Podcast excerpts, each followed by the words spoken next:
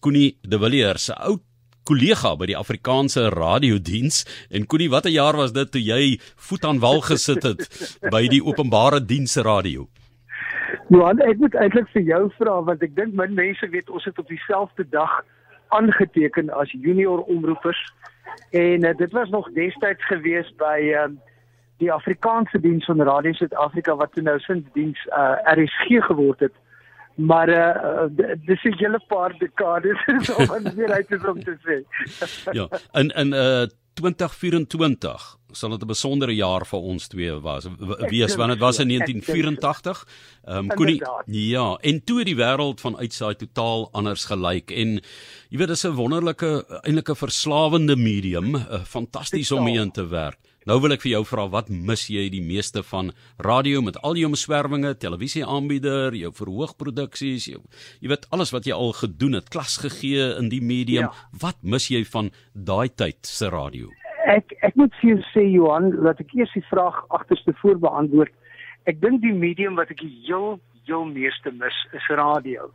Ehm um, dis so 'n wonderlike voorreg om albei betrokke te kan wees en te kon wees dis 'n onmiddellike medium, dis intiem, jy weet jy praat net met een persoon eintlik uh op die keper beskou op verslag en dis 'n wonderlike voorreg om dit te kan doen.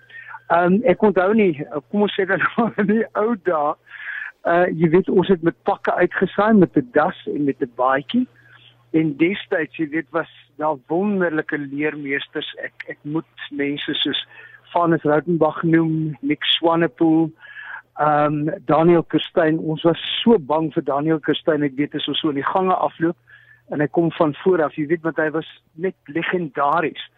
Dat ons altyd gesê, uh, da, uh, "Goeiedag meneer Kerstyn," dan het hy gesê, "Môre." nou weet jy ten minste hy het gereageer daarop. En dit was ook 'n ander tyd, jy weet Johan en ek dink jy sal met my saamstem.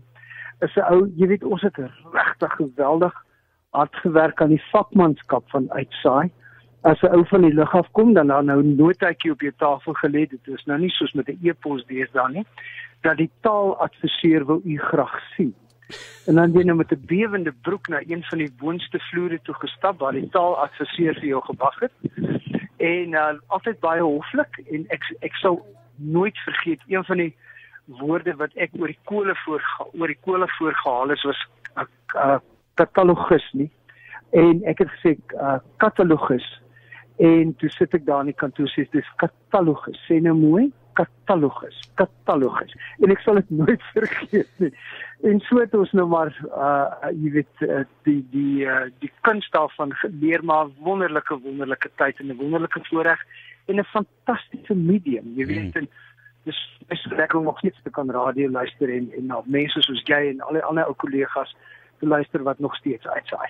Yes, ehm um, jy praat van 'n katalogus, jy weet dit was jou katalisator vir ja. jou ja. vir jou loopbaan want jy ehm um, het in jou lirieke en jou sangloopbaan en jou aanbieding altyd 'n baie keurige Afrikaans gebruik wat ook daarop dui dit is nie nodig om slang te gebruik om jy weet om om gemaklike Afrikaans, informele Afrikaans te ja. praat. Jy hoef nie 'n Engelse woord te gaan noodwendig nader trek nie, maar ja. ehm ja. um, jy's een van die mense wat dit jy weet gemaklik gemaak het, moet ek Dankie, sê, Koenie. So ehm um, Maar jy weet ek ek dink nie dit beteken 'n mens moet moet uh jy weet verstok wees nie. Ehm um, maar ek dink 'n mens kan jy weet net 'n bietjie ekstra moeite insit en dan regtig Afrikaans is so fantastiese taal, jy weet met met soveel krag en uitdrukkingskrag en weer net 'n klein bietjie moeite te doen. Jy weet, kan jy dit was iets op 'n nuwe manier hopelik sê. En uh, maar maar uh, jy weet ek dink ook daar's jonger mense wat wonderlike werk in Afrikaans doen wat lekker loslit is. Jy weet maar dit beteken nou nie jy gooi Afrikaans oorboord. Ja, ek dink um, as jy gaan kyk na byvoorbeeld hoe Nederlanders nou praat, jy weet en woorde ja, wat daar aankom, ja. is dieselfde in Afrikaans wat mens, mens dit is hoe mense praat. So ek en jy gaan nou nie daar sit in notaatjies op mense se lesenare ja. los en in kom hier. Ek onthou ek onthou by geleentheid het uh, Joey de Koker nogal 'n geldige punt gemaak. Hy sê sy weet jy, ja. Afrikaans is seker die enigste taal in die wêreld waar jy vir 3 mense moet bel om te vra hoe word die woord korrek uitgespreek. ja, maar ek dink ons het ook, jy weet, intussen het het mense nou maar geleer. Jy weet in in Afrikaans is net so vitaal en vloeibaar en lewendig, jy weet, Johan, en dis 'n wonderlike ding. Jy weet, ek luister altyd vir julle ouens wat regtig op die op die kruin uitsaai. Jy weet en dan uh, luister jy na die nuus wat so keurig dikwels geskryf word en uh, en jy weet so mooi voorgeles word en dit is vir my 'n riem onder die hart. Dit is my verskriklik lekker om na te luister. My ouma het altyd uh, uh, suikerklontjies gehad. Jy weet in goeie Afrikaans is my soos my ouma se suikerklontjies. Jy weet dan hoor jy 'n woord en dit is net so mooi. Jy staan eenvoudig gestonk daar. Dit is dis dis 'n wonderlike taal en ek is ek is baie dankbaar dis my moedertaal, jy weet. Koenie, jy het ehm um, by die uh, openbare diensradio uitgesaai. Jy het ook by streekradio's gewerk. Jy het uh, in handelsradio toe ja. Ja, handel, hulle het dit handelsradio genoem, né?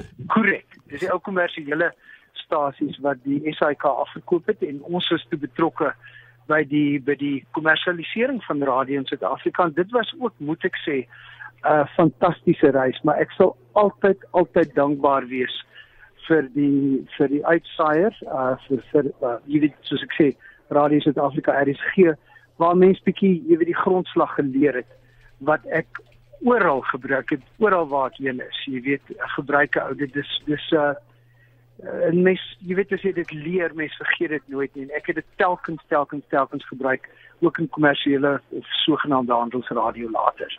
Ek het skoon bang om met jou te praat want ek het nou gesê ja maar natuurlik, maar moenie te veel dit sê nie. Koenie, ek is nou bang. Nee, wat ek wat ek wil sê is jy gebruik dit op die oomblik byvoorbeeld saam met Dion Meyer in julle Karoo Suite 2. Dis reg, dis reg.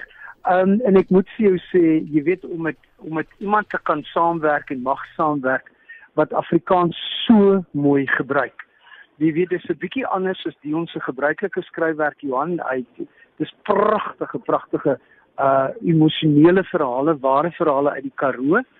En jy weet ek sit maar daar op die verhoog en dan kyk ek vir my ou vriend oor die oor die verhoog wat uh besig is om sy pragtige verhale voor te dra. En dan dink ek net hoe gelukkig kan 'n mens wees?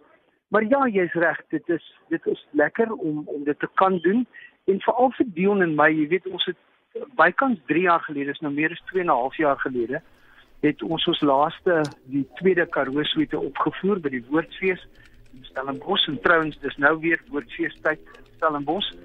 En ons kon dit nog nooit weer opvoer nie. So dis voels vreeslik lekker om dit nou weer gedurende November te kan doen uh in Kaapstad en in Johannesburg. Dis natuurlik daar die Karoo Suite 2 en is die produksie met Dion Meyer en Connie de Villiers met wie ons tans gesels en na bykans 3 jaar weer te sien gaan kyk op potgooi. Daai gesprek met uh, Dion is daar indien jy bietjie wil hoor uh hoe hy dit vir jou beskryf en waarna jy kan uitsien vir Karoo Suite 2 dit is 1 tot 12 November in Kaapstad by Theatre on the Bay. Die kaartjies is by CompuTicket en alles van NASA tot die National Geographic tydskrif en animasiekunstenaar Dick Grobler se materiaal wat gebruik word. Maar kon nie oomblikke oplig ek weet daar is so baie herinneringe. Mense weet nie eintlik altyd waar om te kies nie. Maar oomblikke waar jy nou maar begin lag het jy kon nie ophou nie ek het al baie van daai gehad maar ja ek eh, ek weet jy daar's altyd sulke herinneringe Daar's um, ek weet nie of daar regtig 'n baie suiwer Afrikaanse woord is vir die Engelse woord kops nie, maar ek het 'n verskriklike kilie aan my. Jy weet, as ek begin lag, kan ek net eenvoudig nie ophou na ateljee nie. En dit het nie net in die radio ateljee gebeur nie en uh, jy weet ook op televisie gebeur het. Maar ek moet jou sê, mense is dikwels deel van die probleem. So wes vertel ek nie graag oor nie wat jy net so droog maak jy weet en wat jy net na die tyd dink, jy moes miskien net 'n bietjie stadiger gepraat het en stadiger gedink het. Maar daar's tal talle geleenthede en ek moet ook sê en ek dink julle sal dit met my deel, die sentiment dat dit is wat ehm um, uitsaaiers soort van 'n familie maak. Jy weet dis 'n wonderlike familie om van deel te wees of jy weet deel van te wees. En uh, want ons ons maak ons maak dieselfde foute. Ja. Ons het dieselfde suksesse maar aan die einde van die dag is dit net so lekker heerlike bedryf om as jy dan moet droogmaak doen dit op radio. En doen dit sommer ordentlik. Ja dis mense is nie 'n rekenaar nie nê jy's 'n mens. Absoluut ons dink aan jou in terme van radio ook natuurlik daai lekker stem wat mense altyd kry van Connie Connie baie sterkte met alles wat voorlê ons verwelkom jou hopelik binnekort eendag hier in die ateljee vir 'n slag dit sal lekker wees en laat my ook toe daarom ook namens al die Afrikaanse sprekers en luisteraars te sê baie baie dankie vir wat julle ouens doen en dat julle net so mooi met die taal werk. Is regtig 'n riem onder jaar.